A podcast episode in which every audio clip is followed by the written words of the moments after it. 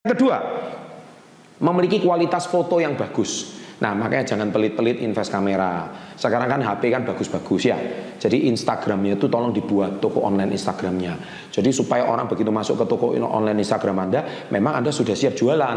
Karena apa? Toko online Instagram tersebut uh, kualitas videonya itu, fotonya itu harus bagus sekali sehingga eye catching. Kalau misalkan videonya itu, uh, fotonya itu resolusinya rendah, kemudian gambarnya kabur, orang juga males mau melihat dia punya uh, hasil daripada uh, penjualan produk tersebut. Ya, itu rahasia yang kedua. Rahasia yang ketiga, memiliki data testimoni. Nah, ini sangat penting. Testimoni itu artinya orang setelah membeli produkmu, membeli servis kamu, membeli makananmu, itu semua WA-nya itu tolong di capture. Tapi kalau bisa namanya dihapus ya. Jadi contohnya seperti ini. Namanya itu dihapus. Jadi supaya menjaga privasi daripada pelanggan dan nomornya.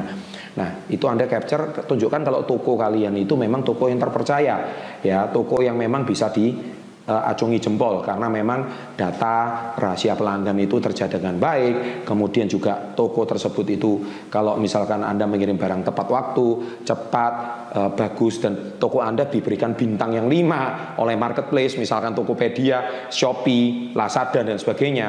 Uh, itu menjamin toko kalian memang pelayanannya sangat cepat, ramah, cepat, nyaman, cep dan yang terpenting fast moving, uh, fast answer ya kan. Nah, itu sangat menentukan kalau misalkan toko Anda itu niat jualan. Jadi data testimoni pelanggan itu sangat bagus dan produknya sampai tepat waktu. Nah, itu sangat penting ya.